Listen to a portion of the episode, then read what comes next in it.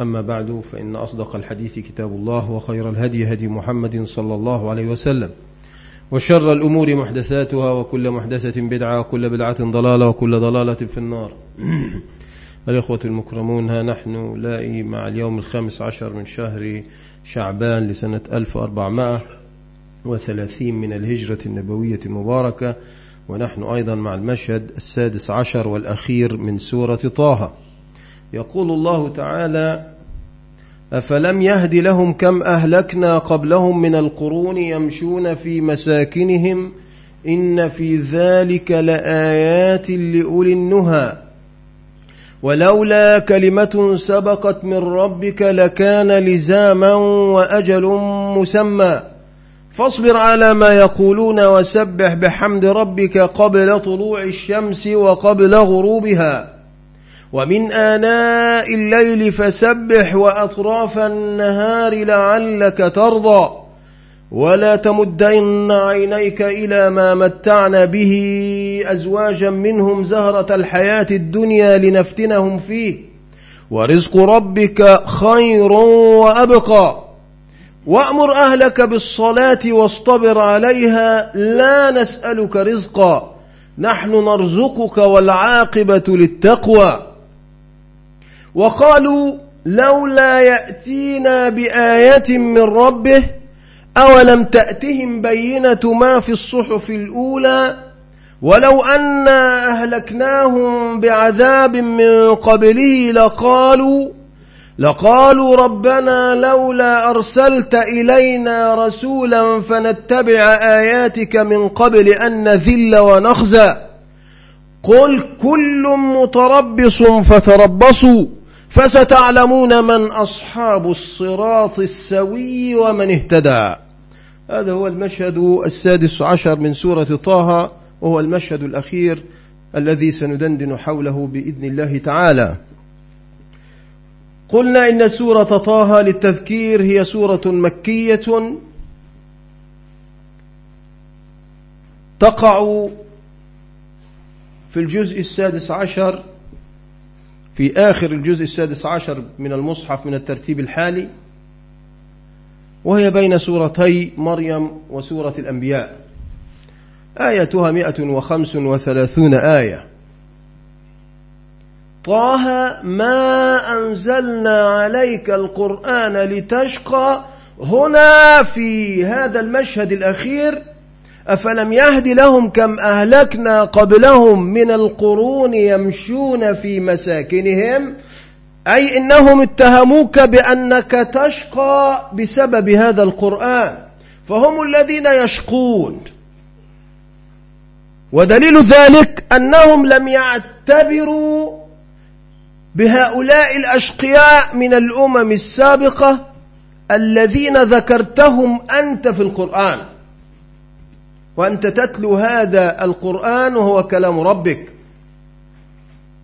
أفلم يهد لهم كم أهلكنا قبلهم من القرون؟ يعني كم هنا للتكثير وليست للتقليل؟ ما أكثرهم من هؤلاء المكذبين الذين كذبوا وهم يعلمون ذلك. أنت تتلو وهم لديهم أثار من علم لأنهم كانوا يسألون أهل الكتاب ويعلمون قصة نوح وهود. وصالح وكانوا يمرون على ديارهم وديار ثمود. يعني إذا لديهم المعلومات. حتى من قبل رسول الله صلى الله عليه وسلم. أفلم يهد لهم كم أهلكنا قبلهم من القرون يمشون في مساكنهم؟ إن في ذلك لآيات لأولي النهى. هم يمشون في مساكن الذين ظلموا. يمرون عليهم مصبحين. وهي قريبة منهم ديار ثمود وعاد. وهذه سدوم في الأردن هناك هم يعلمون ذلك ويمرون على هذه الديار وهذه الآثار هناك في اليمن ويعلمون. إذا هؤلاء يمرون على هذه الآثار ويعلمون أن الله أهلك هؤلاء الظالمين وهذه مساكنهم ورغم ذلك لم يعتبروا ولم يتعظوا.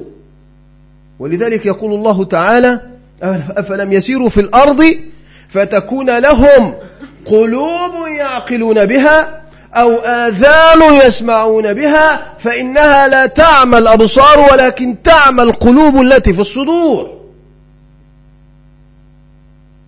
لأنك تقول هم هم متأكدون أن هذه هذه الديار كانت لهؤلاء الذين كانوا ينحتون من الجبال بيوتا وهذا فرعون ذي الأوتاد وهؤلاء الذين جابوا الصخر بالواد وهذه الحضارات التي اندثرت ودمرها الله وهذه قصة فرعون يعلمونها كل هذه هذه الحضارات التي اندثرت ودمرها الله سبحانه وتعالى على هؤلاء المكذبين يعلمون. لكنك تقول لماذا لم يتعظ الإنسان وهو يرى ويمر في ديار الظالمين؟ الله حسمها. قال فإنها لا تعمى الأبصار ولكن تعمى القلوب التي في الصدور لأن لو كانت لهم قلوب حقيقية يعقلون بها وهذه القلوب يعني العقول هنا لو كانت لهم قلوب تجعلهم يتعظون لكن لديهم قلوب لكنها متحجرة عمياء هذه ران عليها رانت عليها المعاصي والكفر والشرك ولذلك لا يتعظون ولا يعتبرون فلذلك يمرون على هذه الديار فلا يتأثرون ولذلك نحن حتى في أيامنا هذا تجد ناس يهتمون بما يسمى السياحة. يذهبون إلى بلاد المسلمين هناك. نعم في ديار هناك تذهب إلى مصر في معابد أبو سمبل وهناك المعابد الكبيرة. هذا عملاق. تجد الصنم والتمثال كبير جدا. الأصبع الواحد للتمثال. أنك يقف مجموعة من البشر تقف في أس يعني في أسفل أصبع فقط نحت في صخر. أنت تتعجب على كيف نحتوا هذه هذه التماثيل العملاقة. وهذه تشخيص لحالة عند نوع من البشر. كيف وصلوا إلى هذه؟ رغم أن الناس لديهم من التكنولوجيا والآلات لا يستطيعون أن يفعلوا ذلك. تخيل رغم تقدمهم لا يستطيعون أن ينحتوا مثل هذا الذي حدث في الجبال. هكذا. لا يستطيعون بناء أهرامات لا يستطيعون بناء مثل هذا أبو الهول هذا أبا الهول. لا يستطيعون ذلك رغم أنهم لديهم من القوة العلمية ما يعني يفتخرون به. يعملون ناطحات سحاب. ولا ناطحات سحاب؟ سحاب يأتي المطر أو صاعقة تأتي ممكن تدك على رأسها يعني. ورأينا كيف وقع الشيئان. يعني هذه هذه الأشياء التي يفتخرون بها هي من صنعهم واقع. تخيل نابليون عندما دخل في الحملة الفرنسية هذه الهجمة البربرية الصليبية الفرنسية رغم أنه كان يقول إنه لا يؤمن أنه ملحد يعني. ورغم ذلك فإنه دك الأهرامات عندما كان المماليك يقاومونه هناك دكها ودك أبله معظم الآثار المدمرة في فأبي الهول هذا وبعض بعض الأشياء التي دمرها كلها من قنابل أو المدافع التي كان يدك بها آه، نابليون. هذه ال ال الأهرامات وأبا الهول هذا. كسرت مناخير هذه التي شعير رمموها أو حاولوا يرمموها الآن. هذه بسبب مدافع نابليون. لم يتهموا أحد أنه عدو الحضارة وكسر التماثيل هم لا هم أصلا أعداء الإنسانية وأعداء كل شيء ولم يهتموا بهذه التماثيل إلا متأخرا. صدقوني الغرب لم يهتم بمثل هذه التماثيل حتى في ديارهم إلا متأخرا. كانوا يحرمونها. البروتستانت كانوا يعتبرون أن هذه وثنية. لما قاموا على الكنيسة لوثر هذا عندما قام وثار كان يحرم التصوير. وكانوا يحرمون يقول لك هذه التصاوير حرام. كانوا يحرمون التصاوير ويحرمون التماثيل. ويقول إن البابا هو الذي اخترع هذا وأن هم, هم لما يلتزموا بتعليمات المسيح. تخيل هم أصلا يحرمون التصاوير ويحرمون التماثيل. وهم عندما دخلوا مصر في أيام لما دخل النصارى دخلوا مصر قبل الإسلام في عندما كانت مصر في تلك الفترة وثنية فرعونية. من الذي دمر التماثيل المصرية والذي شوه المعابد ودمرها وطمسها معابد وأشياء كثيرة جدا طمسوها لأنهم كانوا يحرمون التصوير ويقول لك إحنا الحضارة ونحن النزاهة وانظر اننا أنتم الذين كنتم تحطمون التماثيل وكنتم تدمرونها ودمروا المعابد الفرعونية التي الآن يبكون يقول لك انظروا إلى أن أن المسلمين المتطرفين هم الذين يدمرون ويطمسون. أنتم النصارى هم الذين دمروا وطمسوا. هذه عندما بسبب أنهم يؤمنون بذلك. لكن بعد ذلك حدث ما حدث من انحراف بعد ذلك في عقيدتهم. إذا هذه هذه الديار يمرون عليها. هم تخيل يعاقرون الخمر يزنون يفسقون يحرسهم مجموعة من القواد يسمون المرشد السياحي. هو ليس مرشدا سياحيا هو قواد سياحي قواد. تعلمون قواد في اللغة العربية؟ أي الذي يقود إلى يعني ديوث قواد يعني ديوث باللغة. صدقوني معناها كده هكذا. قواد يعني ديوث مرشد يعني قواد. يبقى إذا مرشد معناها افهموها. إذا هؤلاء المرشدون يرشدونهم إلى ماذا؟ بالله عليك يرشدونهم إلى ماذا؟ بيدلهم على أماكن الأماكن الحانات أماكن اللهو يأتونهم إلى بعض بنات الليل وبعض البنات. لأن السائح يريد أن يفرفش يريح يعني ها؟ فماذا سيفعل؟ بالله عليكم سيتعظ أمام الصورة. هو بيأخذ الصورة من باب التذكار للنزهة. ولا يعلم هذا المخبول. أن هذه صورة المفروض أن قلبه ينخلع. يعني هؤلاء أصحاب حضارات وقوة. أين هم؟ ماتوا ومات الأثر. أين قوتهم؟ أين بطشهم؟ المفروض عندما تمر على مثل هذه الآثار أن تتعظ وأن تعلم. تستحضر قصة هؤلاء الذين كانوا يملكون الدنيا. فرعون أين هذا الذي كان يقول أنا ربكم الأعلى ويقول أليس لي ملك مصر وهذه الأنهار تجري من تحتي؟ يعني ألي يعني أين هذا لكن تتعظ. أما هناك هم يذهبون للنزهة. ويقول لك تونس الدولة بتصدر ماذا؟ بالله عليك ماذا تنتج تونس؟ تنتج السياحة. يعني إيه السياحة أي أي شيء أي سياحة في تونس؟ يعني الدعارة. يعني القوادة. يتخيل البلد الدخل القومي لديها. صدقوني هكذا. هل بتصدر حديد مسلح؟ طائرات دبابات دبابيس. بتعمل يعني لعب أطفال حتى علب كبريت لا تفعل شيء. فقط السياح تعال استمتع وافعل ببناتنا ما تشاء. هذه هي هذا هذه المفروض أنت تأتوه إلى مسجد الزيتونة أو تأتي إلى إلى الأشياء. هم خلاص أمموها حولوها إلى حانة. هذه المنابر هذا مسجد المسجد العريق هذا الذي كان قبل الأزهر. تخيل؟ بني قبل الأزهر. ورغم ذلك لا أحد ي... هذا تحول في أيام برقيبة المجرم هذا. وزين العابدين تحولوه بعد أن كان يشع بالنور وبالعلم ويصدر العلماء وكان مفخرة فعلا. كان ينافس الأزهر في تلك الفترات القديمة ورغم ذلك دمروها. بعبارة عن متحف الناس السياح يعني تدخل هذا واحدة عارية عادي تدخل ويعني من باب المناظر صور تذكارية. لا لا أثر لا لا أي تعاطف في هذه المسائل. وذلك الله سبحانه وتعالى عندما يقول هكذا أفلم يسيروا في الأرض فينظروا كيف؟ كان عاقبة الذين من قبلهم هم لم لم لم ينظروا إلى هذا هم جاءوا للنزهة هم جاءوا للفساد. هم جاءوا للفسق. ما جاء أحد يعني كلهم علماء آه، أثار أركيولوجي يعني جايين يبحثوا على الأثار واحد عالم فقط في وسط هذه الملايين أو الألاف الذي يبحث. أما بقية هؤلاء الذين نراهم عبارة عن حمر مستنفرة تسفد يسفد بعضهم على بعض. هذه هذا هو الذي نراه. ولا نرى اتعاظا ولا نرى عبرة ولا أي شيء من هذا. أفلم يهد لهم كم أهلكنا قبلهم من القرون يمشون في مساكنهم إن في ذلك لآيات لأولي النهى. يمشون في مساكنهم يعني هم يعني هذا القرآن شاهد عليهم أنهم كانوا يمشون في مساكنهم. معنى ذلك أن آثار البيوتات هذه والمعابد كانت موجودة وفي في وقت نزول القرآن وأنهم كانوا فعلا يمرون. يعني وإلا القرآن يتحداهم بأنهم يمشون في مساكنهم. إذا هذه الأثار كانت موجودة. ورغم ذلك لم يتعظوا لماذا؟ لأن الله سبحانه وتعالى قال آه إن في ذلك لآيات لأولي النهى. هذه الآيات والعبر لأولي النهى لأولي لأصحاب العقول الكبيرة. وليست لهؤلاء السفهاء الذي يتعظ ويرتدع ويرجع إلى ربه هو من أولي النهى أصحاب العقول.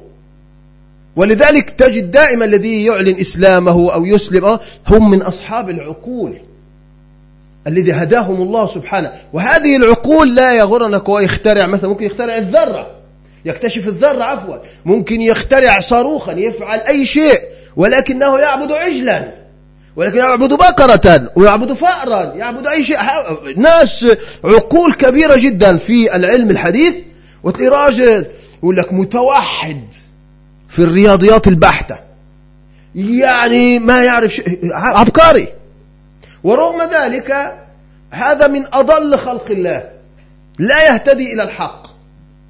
هو أغلق عقله وقلبه عن الهداية. فلذلك الله لا يوفقهم للهداية لأنهم هم الذين رفضوها من البداية. ولذلك يقول الله تعالى ولولا كلمة سبقت من ربك لكان وأجل مسمى لكان لزاما وأجل مسمى. ولولا كلمة سبقت من ربك أي لولا أن الله سبحانه وتعالى. قال وما كنا معذبين حتى نبعث رسولا. أي لولا أن هذه الكلمة السابقة من ربك أنه لا يعذب أحدا إلا بعد قيام الحجة. والأجل المضروب لهم. يعني لولا كلمة سبقت من ربك ده كان لزاما وأجل مسمى. واحد يقول لك هو لماذا قال لكان لزاما وأجل؟ لماذا لم يقل لكان لزاما وأجلا؟ على أساس يكون معطوف على المنصوب يعني. لا هذا خطأ. لأنها ليست معطوفة هنا على أجل لكنها هي مع الأولى. هي كان في ترتيب.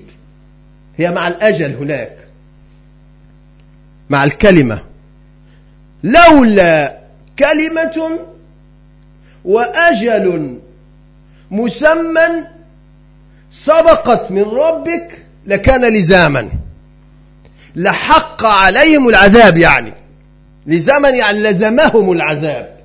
أي لولا هذه الكلمة ولولا هذا الأجل المضروب لهم في العذاب أنه إما هذا الأجل المقصود به أجل عذابهم في الدنيا أو في بموتهم.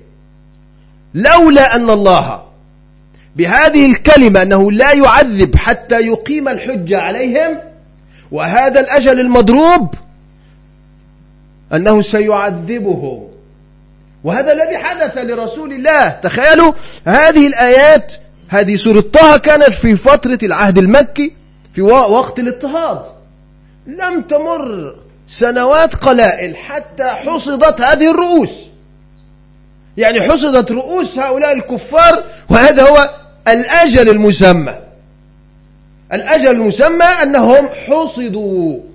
يعني في في بدر وحدها حصد معظم الرؤوس الكبيرة في بدر لوحدها في السنة الثانية من الهجرة.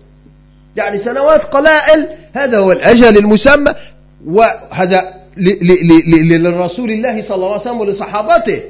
وهذا ينفع أيضا في أيامنا هذا لصناديد الكفر وغير ذلك فإنهم أيضا لهم الأجل المسمى هذا.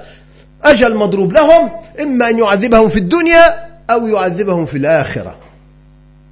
لولا كلمة سبقت من ربك لكان لزاما وأجل مسمى. أي قلنا حتى لا يعذب الله سبحانه وتعالى حتى يقيم الحجة.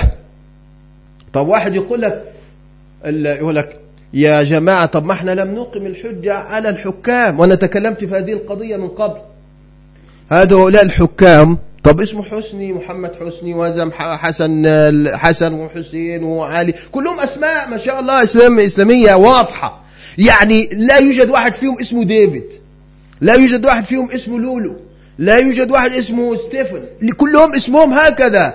عبد الله هذا بكل الأسماء الجميلة هذه. عبد الله هناك وعبد الله الصغير وعبد الله السفيه وعبد كل هؤلاء بأسماء إسلامية واضحة يعني لا لبس فيها. يقول لي واحد يقول لك لا بد أن نقيم الحجة عليه. كيف نقيم الحجة؟ إحنا بنتكلم على الكفار الأصليين نقيم عليه الحجة نعم. أقيم على حجة قل له القرآن في ذاته هو الحجة. أقيم عليه الحجة في تفاصيل الدين. يعني الأمور الظاهرة عند الإنسان العادي المسلم الذي نشأ في بلاد المسلمين أمور الظاهرة أو ما شيء معلوم بالدين بالضرورة. واحد يزني ويقول لي في بلاد المسلمين لا أنا لم أكن أعرف أن الزنا حرام. أو يشرب خمر يقول لك لا والله لما كنت أعرف الخمر حرام. لا هذا يعاقب. حتى لو قال أنا أجهل لا يعتد بجهل هذا لأن هذا شيوع العلم وشيوع الشيء.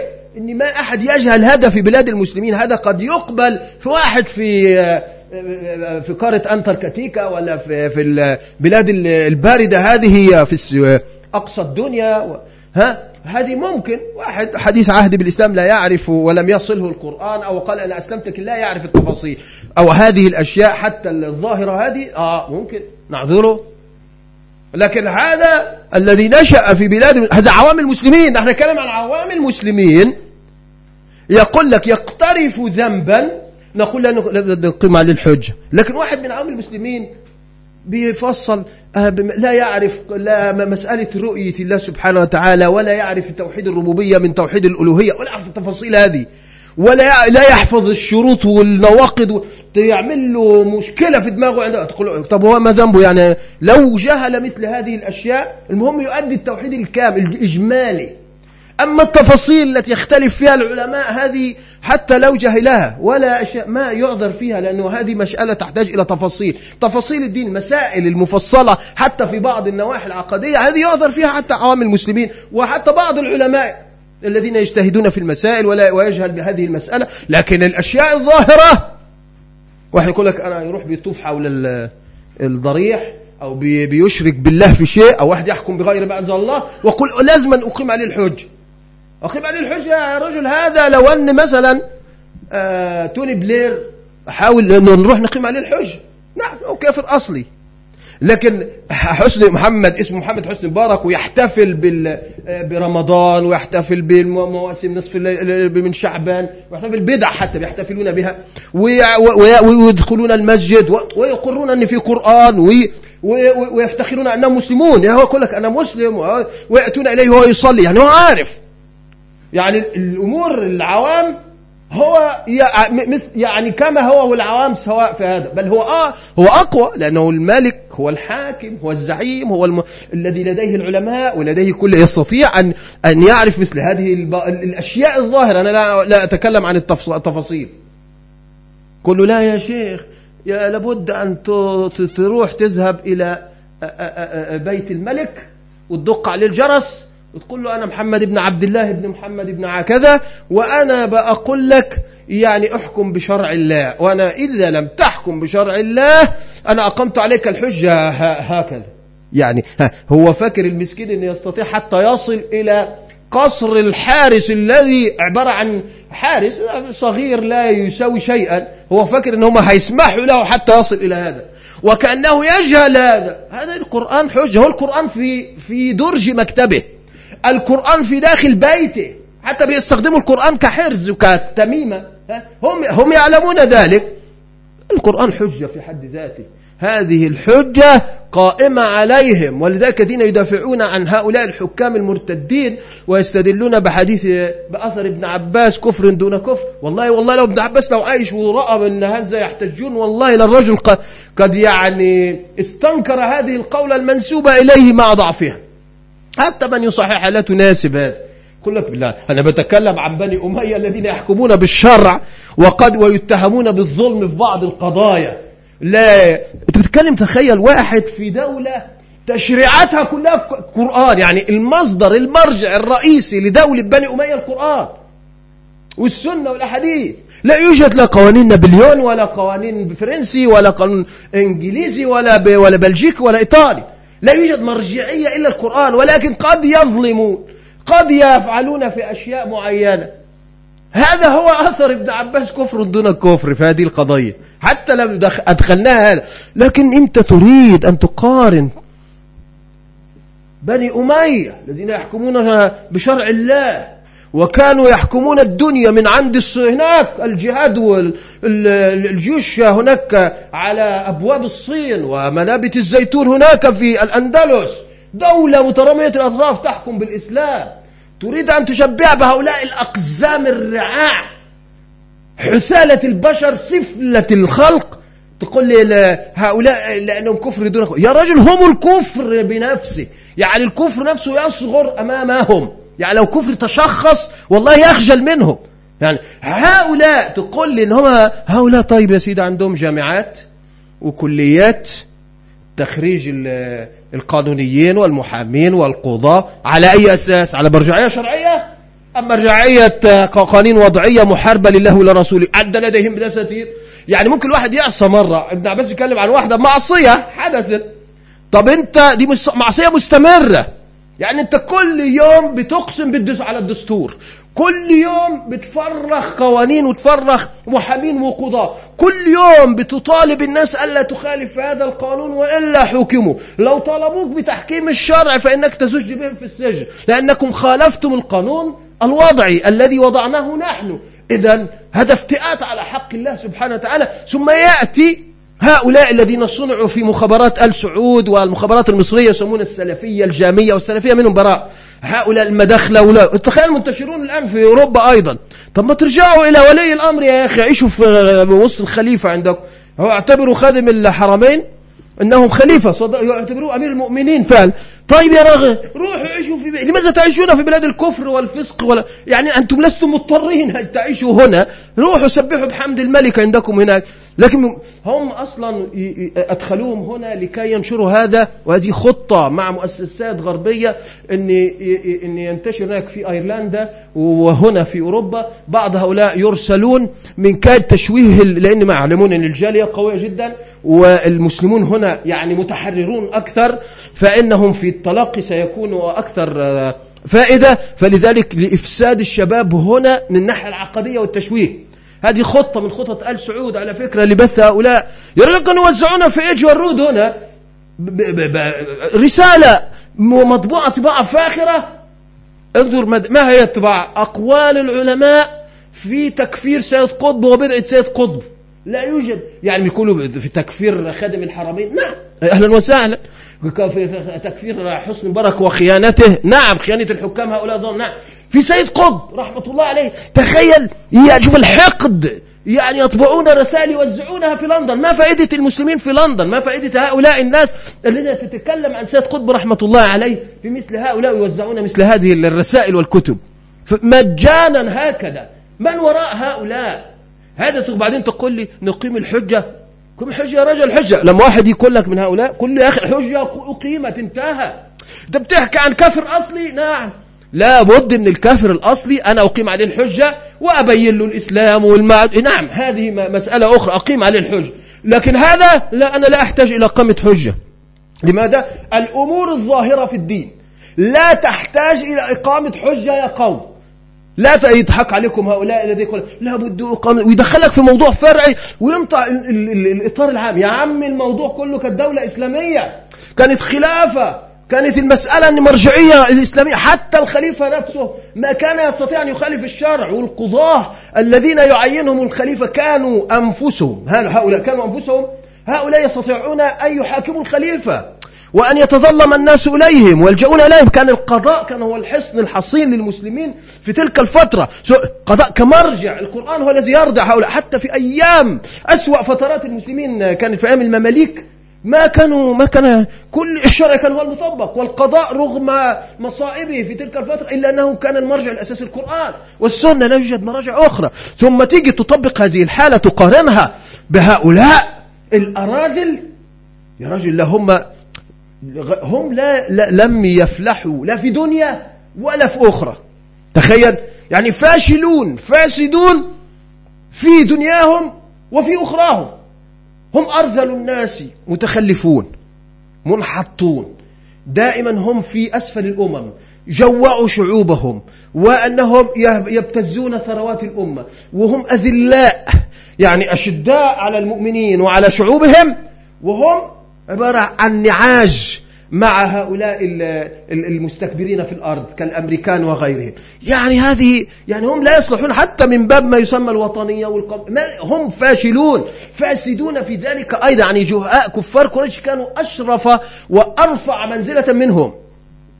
ولذلك فالقرآن بين لنا حتى لا يحتج علينا محتج في ان لابد نقيم الحجة لأن الآية بتتكلم عن ذلك. لولا كلمات سبقت من ربك لكان لزاما وأجل مسمى. أي كلمة سبقه يعني سبقت من ربك يعني حكم الله في سابق علمه أنه لا يعذب قوما حتى يقيم عليهم الحجة. طيب المسلم الذي عاش الآن والقرآن يتلى عليه منذ 14 قرن ونيف وأكثر ها؟ هل هذا المسلم هو المقصود بهذه ال ال الآيات؟ هذه لا نعم أقيمت عليه الحجة. خلاص أقيم عليه بالقرآن. نحن نقيم الحجة فقط في في التفاصيل. يعني واحد مسلم يجهل بعض التفاصيل في الأمور. نعم نعذره ونراعي الجهل الذي لديه في مثل هذه التفاصيل. أما القضايا الكلية الكبرى لا أحد يحتج بها يقول لي قم علي الحجة. لا يا سيدي. إحنا نعرف آه ممكن نطمئن لك أنت مجنون عندك إكراه عندك هذه عوارض يطمئن القاضي عندما يريد أن يطبق الحكم العام. لكن في الحكم البلاغي العام لا نقول هؤلاء الذي يفعل ذلك عندما نقول هذا يزني. يقول لك هو لو لقينا رجلا يزني نحن نقول ماذا؟ زاني صح؟ يفعل الزنا فهو فاعل. يقول لك إيه؟ رأيت واحد يكفر يقول لك هو يكفر ولكنه ليس بكافر. يا عمي إيش يعني؟ يا لغز هو؟ لماذا؟ طب يسرق. رأينا رجلا يسرق. نقول عنه يا إيه؟ سارق. طب واحد يكفر كافر. يعني يقول عليه كافر يقول لك لا نكفر الفعل ولا نكفر الفعل. يا عم ما تدوخش الناس. نعم هو كافر ولكن قد يجرى ليس بالضرورة أنك تطبق عليه الحكم. قد يكون عنده عارض من عوارض الأهلية قد يكون مجنونا قد يكون لا يستحق العقاب لأنه حديث بادية حديث عهد بالإسلام نشأ في بادية. يعني ممكن هذه لكن هو في الحقيقة الذي يفعله هذا كافر. هذا كفر يقترف كفرا فهو كافر. لكن إذا أردت أن أطبق مسألة أخرى لكن هو المشكلة بيشكلون على الناس إيه؟ كله هذا هذا الفعل كفر ولا صاحبه ليس بكافر. يا أخي أنت بتتكلم عن الحكم. مسألة أخرى بعدين أنا أقيم عليه الحكم. دي مسألة يجي أمام القاضي والقاضي يستفصل عن منه. أنت مجنون؟ عندك شيء؟ أنت تعرف إن هذه مسألة أخرى. لكن أنا أوصف الفعل أوصفه صح. هذا يرتكب كفرا. لماذا أقول عن الذي يزني أنه ليس بزان؟ طب أنا ما أنا أقبض عليه حتى أقيم عليه حد الزنا. وإذا أردت أن أقبض عليه حد الزنا طب ما ربما يطلع مجنون.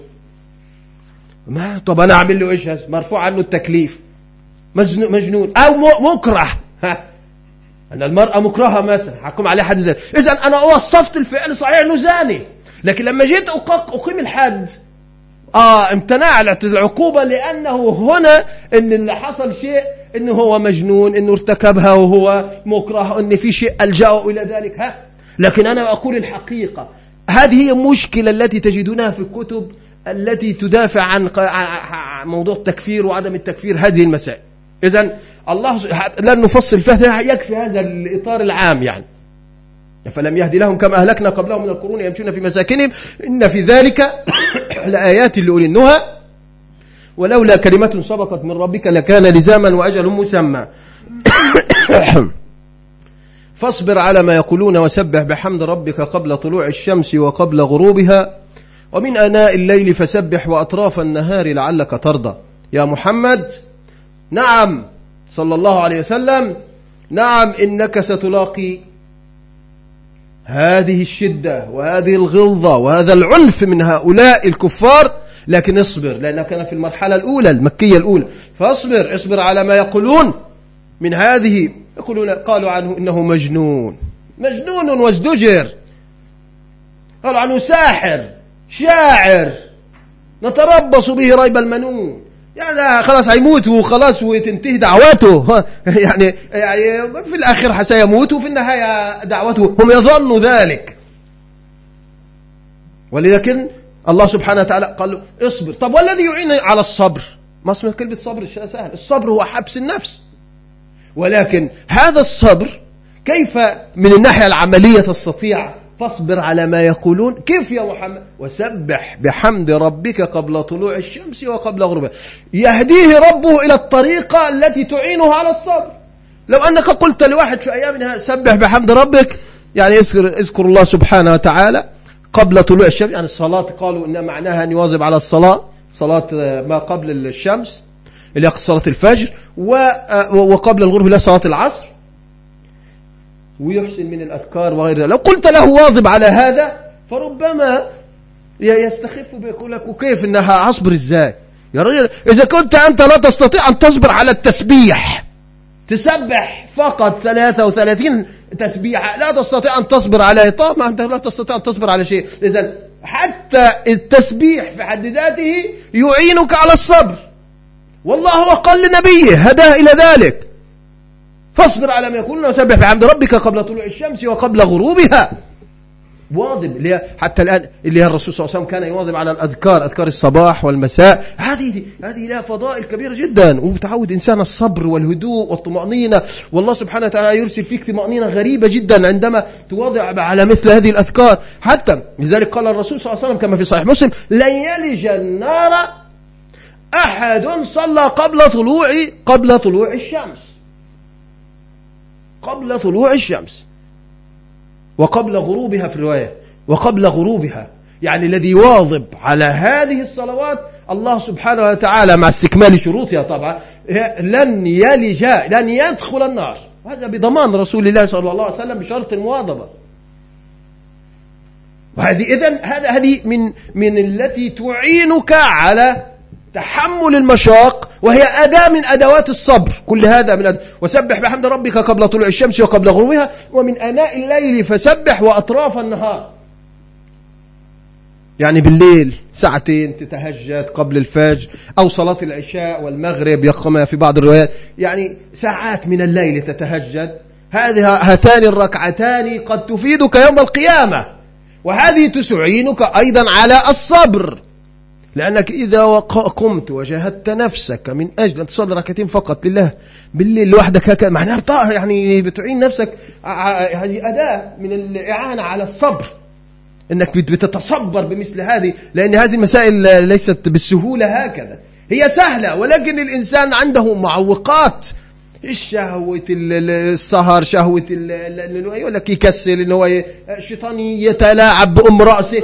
حتى يجعله عندما يهم بالصلاة فيجد إنه إيه؟ تجد إنه رأسه تثقل ويريد أن ينام.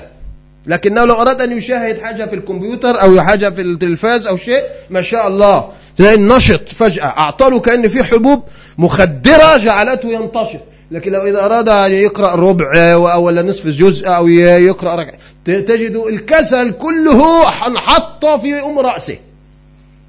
هذه من أدواء إذا الصبر يعينك على ذلك فسبح بحمد ربك قبل طلوع الشمس وقبل غروبها ومن أناء الليل فسبح أطراف النهار لعلك ترضى. شوف إذا هدية من الله سبحانه وتعالى لعلك والله رضي عنه. الله سبحانه وتعالى رضي عنه وهذه لعلك ترضى هي للرسول صلى الله عليه وسلم وللمؤمنين أيضا. كيف ذلك؟ سنبينها في الخطبة الثانية. أقول قولي هذا وأستغفر الله لي ولكم.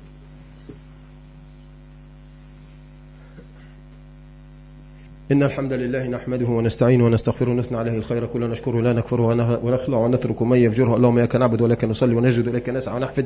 نرجو رحمتك ونخشى عذابك. إن عذابك الجد بالكفار ملحق. وأشهد أن لا إله إلا الله وحده لا شريك له وأشهد أن محمدا عبده ورسوله. وبعد. لعلك ترضى يا محمد صلى الله عليه وسلم ولعل عند الله سبحانه وتعالى سترضى فعلا ويرضى عنك ربك.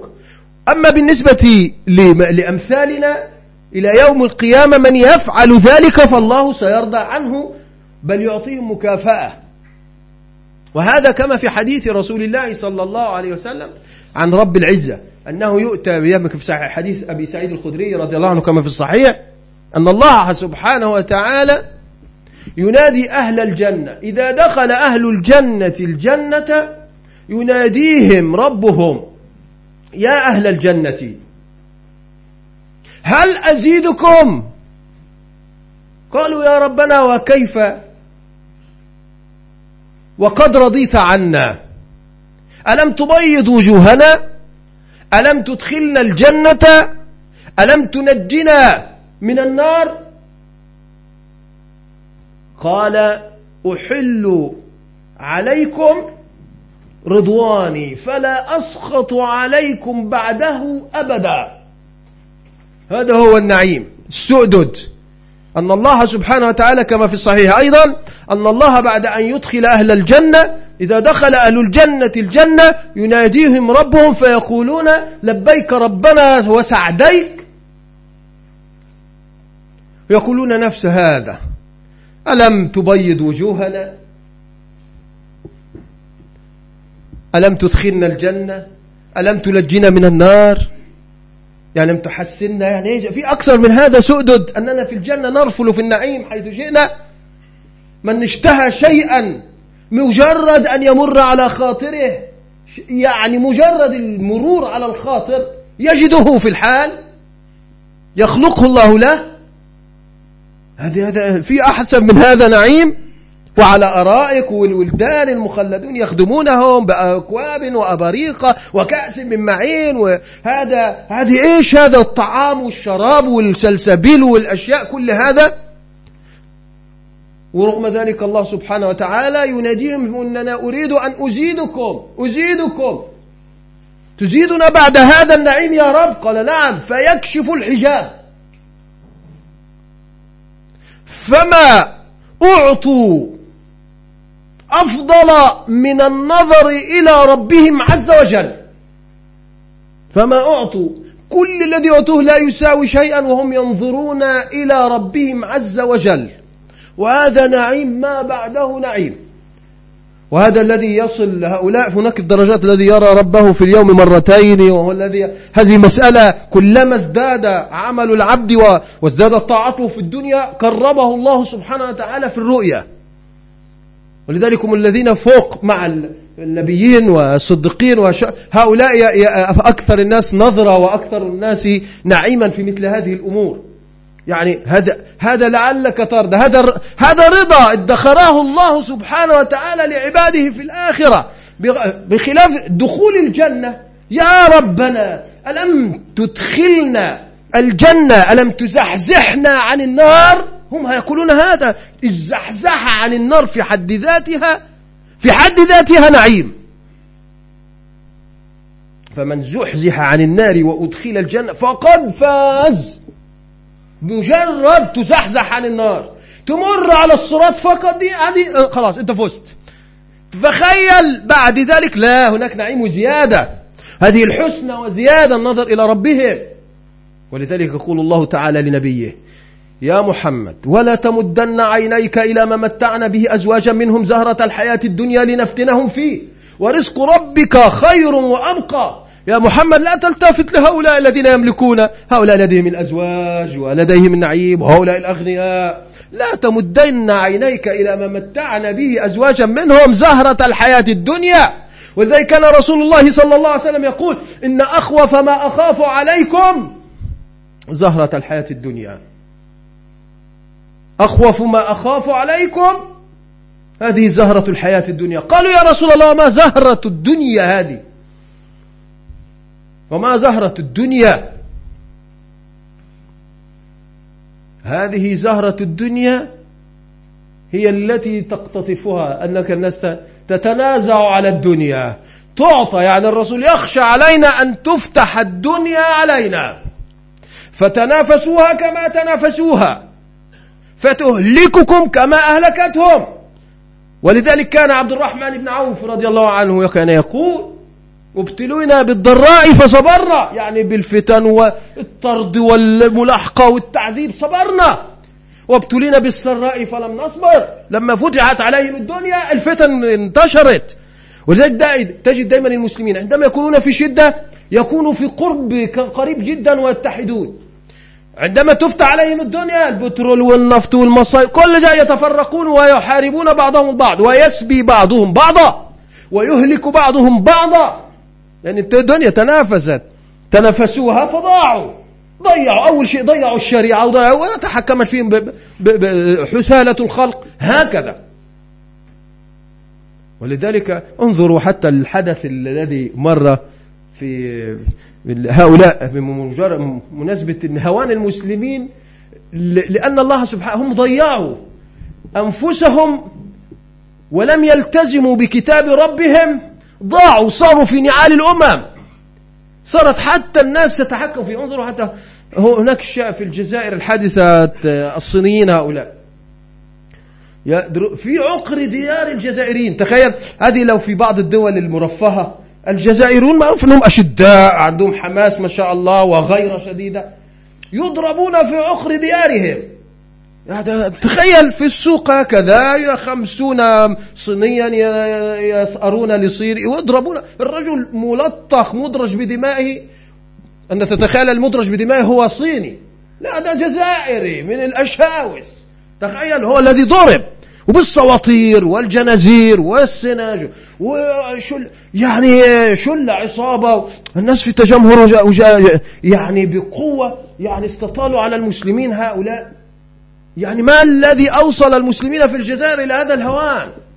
هذه الحكومات المجرمة التي تستقطب هؤلاء. بيعملون في ماذا؟ يعملون في البناء. يعملون في الحلاقة. واحد كاتب لك اللوحة, اللوحة حلاق للرجال وحلاق.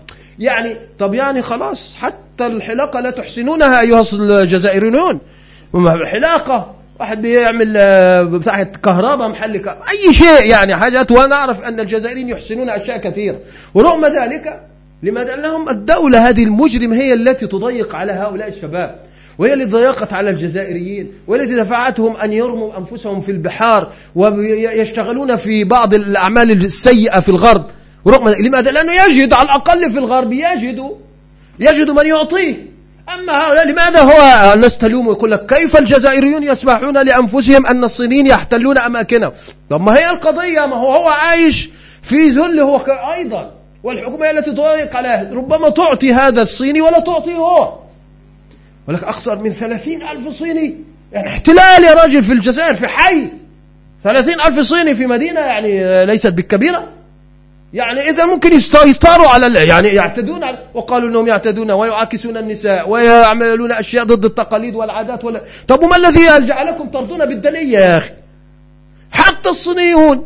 لا نافع هناك في تركستان الشرقية تحاربوننا وتحاربوننا في عقر ديارنا. ما هذا الهوان والذل؟ الذي وصل بالمسلمين أن مجموعة خدم من الصينيين يعني يهاجمون. لا لا لا. يعني هم الذين اعتادوا. ولا يعني لو أن المسألة أن هذا الجزائري هو الذي اعتدى هم الذين اعتدوا وكسروا وحطموا. جعل الناس الجزائريين ينتقمون. هم أيضا. ها؟ والشرطة بس والناس حموهم في النهاية. وفي النهاية صدقوني سيحمون الصينيين.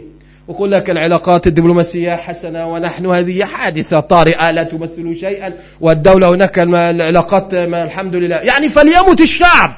فالموتوا أيها الشعب. هذا هو الإنسان المسلم في دياره في بلاده ذليل. لا يجد حقه. ولذلك عندما يجد الإنسان هنا في الغرب يحاول يجد حقه من أي يقول لك أنت أصلا ذليل في بلدك. تطالبنا أن ننصرك وهم لم ينصروك. هم الذين يتأمرون عليك وهم الذين يبلغون عنك ليقبضوا عليك. هم الذين يتجسسون عليك. ماذا يعني؟ الناس أصلا في يعني مسكي الذي عايش في الغرب يعيش في ذل والذي يريد حتى أن يذهب إلى بلاد المسلمين يعيش فيعيش في ذل أيضا. ما هو بلاد مرتدين يا راجل. هم بيحكموا بشرع مجموعة مجرمة. دولة غنية مثل الجزائر. دولة فيها غاز وبترول. يعني المفروض دولة مرفهة مثل دول الخليج. شعب الشباب منتشرون في عدد كبير جدا ولو فتحت الأبواب للشعب لترك البلد كلها خرجوا. ولا صدقوني الناس تحب يريدوا أن يخرجوا. لماذا؟ جنرالات فرنسا هم الذين يتحكمون هم وأسرهم في عائدات النفط وعائدات كل شيء.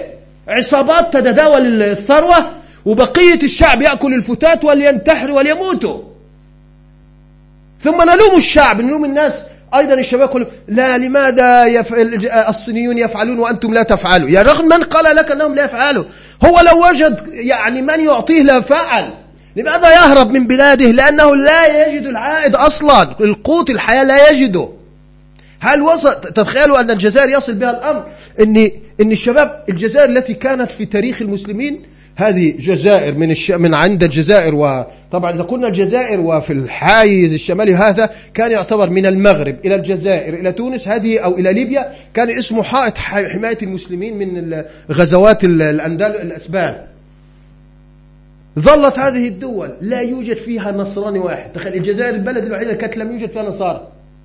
الآن تخيل بيتنصرون وتقول لك واحدة تنصرت ولا أخرى واحدة واللي يقول لك أنا هتحول إلى بوذي واللي يقول لك أنا أصلا هذا لم يكن من قبل حتى في ظل أيام الاشتراكية والشيوعية وبمدين وهؤلاء لم يكن كان موجودا أصلا حتى. في هذه الأيام الفتنة أطلت طلت برأسها واستخفاف بالمسلمين واستخفاف بأهل الإسلام. المرأة عاد تقول لك أنا أنا ألحدت واحد تقول لك أنا مرتد. ويقول لك أنا كافي يا أخي مش عايز أبقى مسلم. أنا لا أريد أن أكون مسلما. والنساء الجماعات النسوية التي تحت عمرك وجدت تنصير في في بلاد يقولون نبني كنائس في بلاد طب هذه لا يوجد فيها أصلا نصارى. الآن ما الذي جعل ذلك؟ لأن حكومات مجرمة متنفذة. هي التي تحارب شعوبها والتي جعلت هذا الفساد ينتشر في سواء في المغرب سواء في الجزائر سواء في تونس حدث ولا حرج سواء في مصر كل هذا العالم الإسلامي طولا وعرضا. وهنا حادثة أخرى وهي حادثة انظر إن القلوب بين أصبعين من أصابع الرحمن يقلبها كيف شاء. هذا المرتد الذي كان يشار إليه بالبنان قديما الشريف وهو غير الشريف شريف أحمد هذا. انظر أول مرة يقولون أول مرة يسلم على كلينتون هذه المرأة الأمريكية وزيرة الخارجية. سلم عليه انظر انظر إلى الدقة. يقولون هذه أول مرة يسلم على امرأة ومن قبل كان يرفض. السلام على المرأة انظر على الذل والهوان.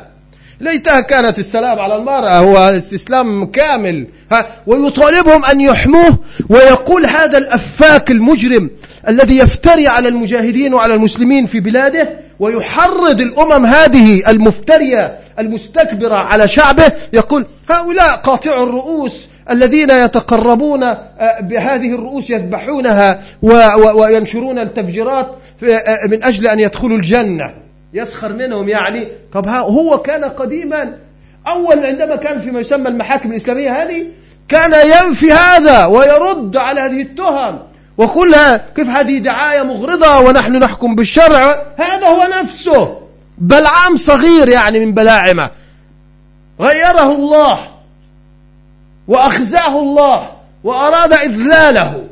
وثم يتوسل إلى أمريكان أن يتدخلوا لحماية من؟ يقول لك يا أخي الشعب هو لا يريدكم.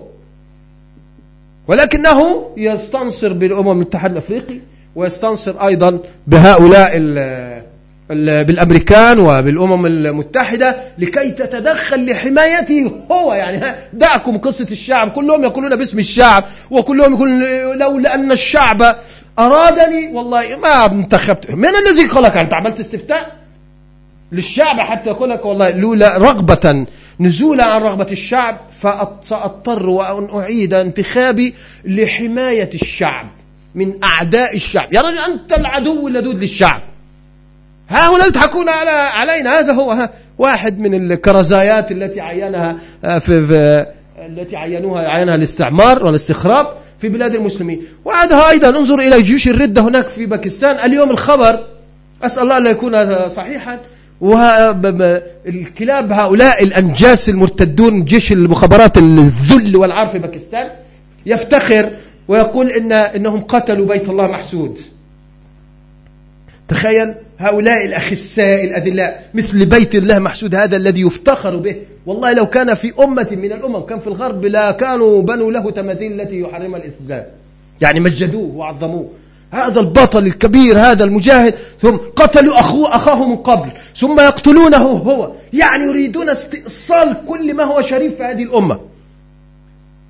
طبعا وخبر لم يؤكد حتى الآن ولكن الواحد نسأل الله أن يخزيهم الله ويطلع خبر. وحتى لو مات وما مات منا سيد حتف أنفه. لا يوجد عندنا واحد بيمات وهو نايم. هكذا. ولا طل منا حيث كان قتيل. لا لا يوجد إحنا فلا يوجد عندنا واحد بيموت موت البعير هكذا. لا ما شاء الله هم يقتلونه. هم ما واحد فيهم مسكوه هكذا إلا ما يقتل بالخسان الطائرات والتجسس وهؤلاء هذه أعين الجواسيس المجرمة التي تتجسس. لا تتخيلوا الطائرة هي التي تقصف هكذا. لا يضحكون علينا. هذه بجواسيس منتسبة إلى الإسلام المجرمين هؤلاء لهم من الله عقاب شديد. إن لم يكونوا كفروا وخرجوا عن الملة لأنهم يتجسسون هؤلاء يتقربون بدماء المسلمين. هذه الأخبار يفتخر جيش الردة والهوان. ويفعلها من أجل ماذا؟ يجعلها من أجل الأمريكان ومن أجل خدمة الصليب ومن أجل خدمة الصليبيين وتدمير باكستان حتى من ناحية من الناحية الاستراتيجية التي يصدعون رؤوسنا بها. هذا تدمير لهم أصلا. انظروا دمروا 10 مليون 10 ملايين في منطقة من بلوشستان لوزيرستان كل هذه الطائرات ضاك وضرب في هذه الأماكن بأسرها وكل هؤلاء المنافقون في الغرب يسكتون هذه منظمات الخزي والعار تسكت عن كل هذه الجرائم. فقط لو واحد صعلوك مجرم يقومون وينددون وهؤلاء الملاحدة والمرتدين أو من ينتسب إليهم. وواحد غازي مجرم من ألاسكا أو من هؤلاء راح يعتدي على بلاد المسلمين يقومون يقول لماذا يقتل هناك ولماذا هؤلاء المجرمون يقتلون؟ من الذي جاء به أصلا. من الذي دفعه؟ هذا المجرم الذي دفعه. لكي يقتل هؤلاء الفقراء المساكين الأبرياء. في أفغانستان وباكستان وكشمير وتايلاند والصومال والعراق وكل هذه الأماكن. من الذي جاء بهم ليقتلوا أبناءنا ونساءنا ويرملوهم؟ يعني من, من هؤلاء؟ من منذ متى هذا اعتدت أفغانستان عليهم منذ متى هذه القبائل اعتدت وذهبت إلى أوروبا لتقتلهم؟ هم الذين يذهبون ويقتلوننا. ثم بعد ذلك نجد من يدافع ويبرر ويندد بأي جريمة أي حادثة تحدث في العالم. هذه منظمات النفاق التي عايشة في الغرب. طب لماذا لا تنددون بالجرائم اليومية التي تحدث هناك في أفغانستان وباكستان وعند القبائل هؤلاء؟ لماذا؟ ما ذنبهم أن يقتلوا هكذا؟ ما ذنب هؤلاء الشباب الذين يقتلون هكذا؟ لا تجد لهم حسا مجرد لو واحد أسر هنا أو واحد حصل له تلاجد اللي هو يتزلفون وينددون وكل آيات الرحمة وآيات يستحضرونها من القرآن الكريم. طب وهؤلاء لا يرحمون؟ وهؤلاء أبناؤنا ونساؤنا وأشياخنا وأطفالنا لا يرحمون لا تستحضرون آيات الرحمة. لماذا غيرنا فقط هو الذي يرحم؟ أما نحن فلا نرحم. حرب ضروس على المسلمين منذ أكثر من ثلاث قرون. ونحن نعذب ونضرب. ورغم ذلك عندما تحدث حادثة هنا أو هناك قال المسلمون هم الذين يعتدون. يا رجل حادثة.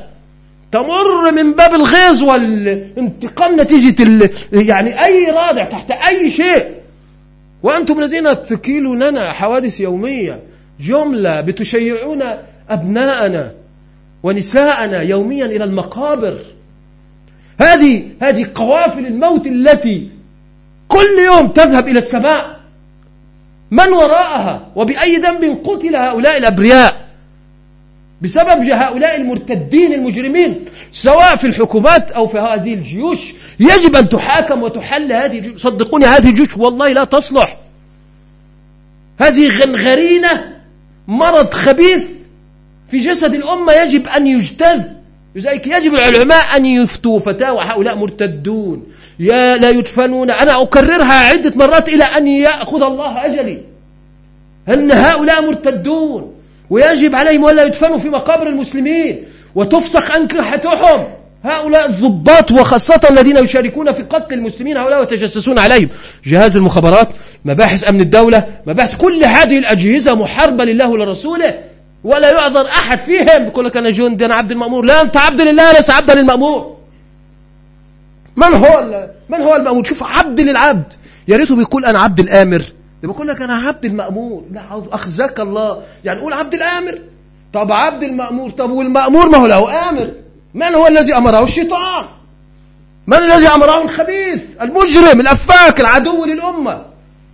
أنت عبد لعبيد الأمة الذين يلغون في دماء الأمة.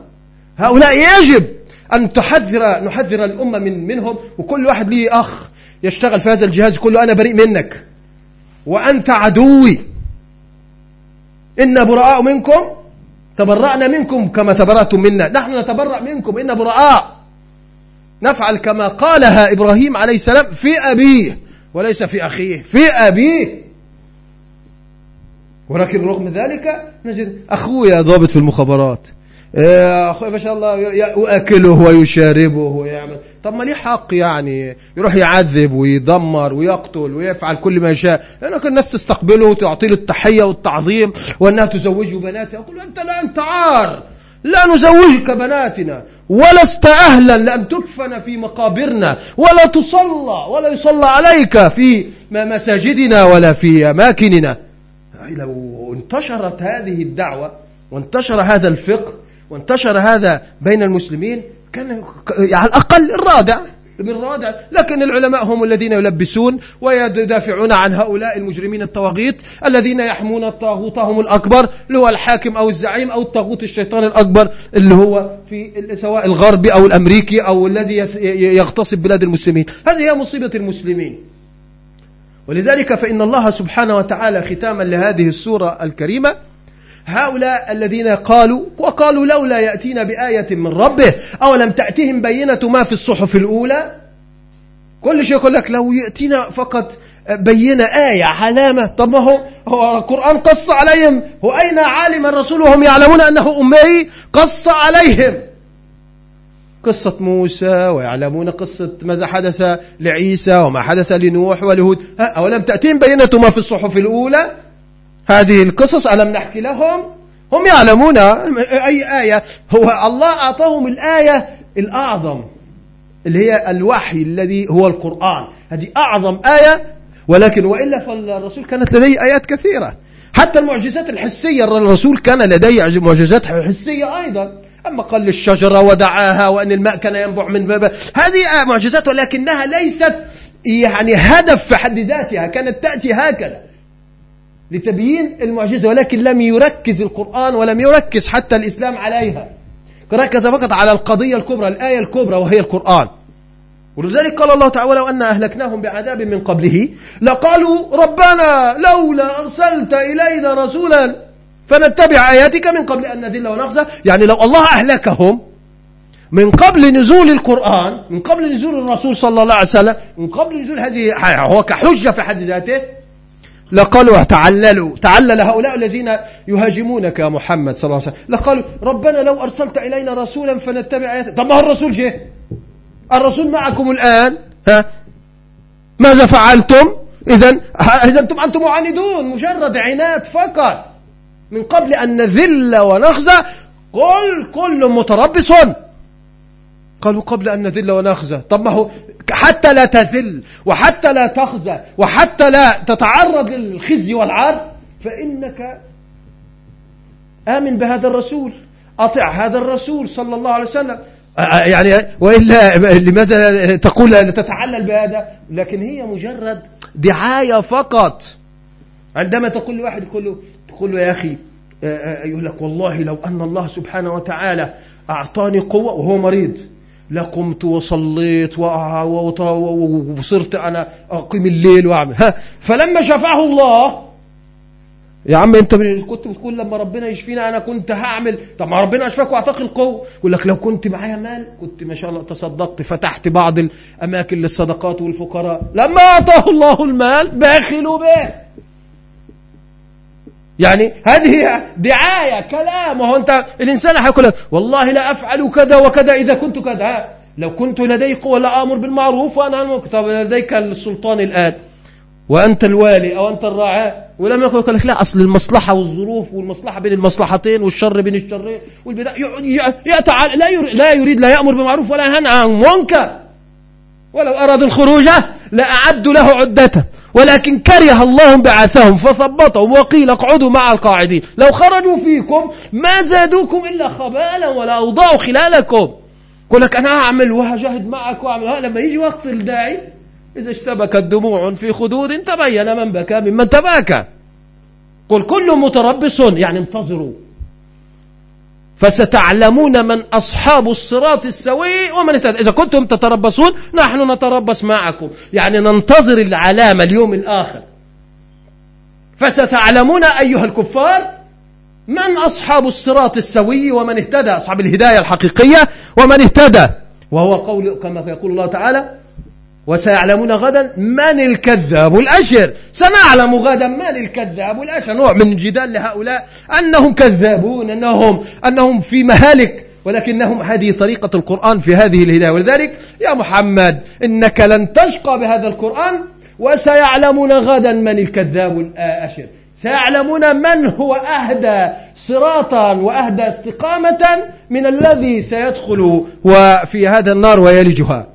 هذا هو هذا هو محور وخلاصة وزبدة القول في هذه السورة الكريمة التي اختتمناها في ستة عشر مشهدا. نسأل الله العظيم رب العرش العظيم أن ينفع بها ونرفع كف الضراعة لعل الله العظيم رب العرش العظيم أن ينصر الإسلام ويعز المسلمين. اللهم انصر الإسلام وعز المسلمين. اللهم من أراد بالإسلام والمسلمين سوءا فاقسم ظهره يا رب العالمين.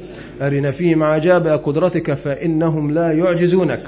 اللهم أرنا فيهم عجائب قدرتك فإنهم لا يعجزونك اللهم إنا فقراء فأغننا أذلاء فعزنا اللهم إنا نستغيث بك فأغثنا نستجير بك فأجرنا نستعين بك فأعنا.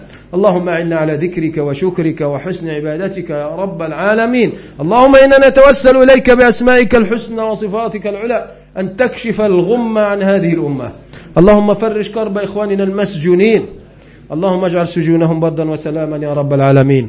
ردهم إلى أهليهم وديارهم ردا كريما طيبا يا رب العالمين. اللهم احفظ أعراضنا وأعراض المسلمين يا رب العالمين. انصر إخواننا المستضعفين في كشمير وفي تايلاند وفي أفغانستان. وفي العراق وفي فلسطين وفي الصومال وفي كل مكان يذكر فيه اسمك يا رب العالمين. اللهم أذن لشريعتك أن تحكم الأرض وأن تسود اللهم أذن لشريعتك أن تحكم الأرض وأن تسود اللهم تقبل منا واشفي كل مريض يا رب العالمين. اللهم اشف مرضانا مرضى المسلمين يا رب العالمين. اللهم إنا نتوسل إليك بأسمائك الحسنى أن تشفي مرضانا مرضى المسلمين يا رب العالمين. اللهم تقبل اللهم أمين اللهم أمين وأقم الصلاة.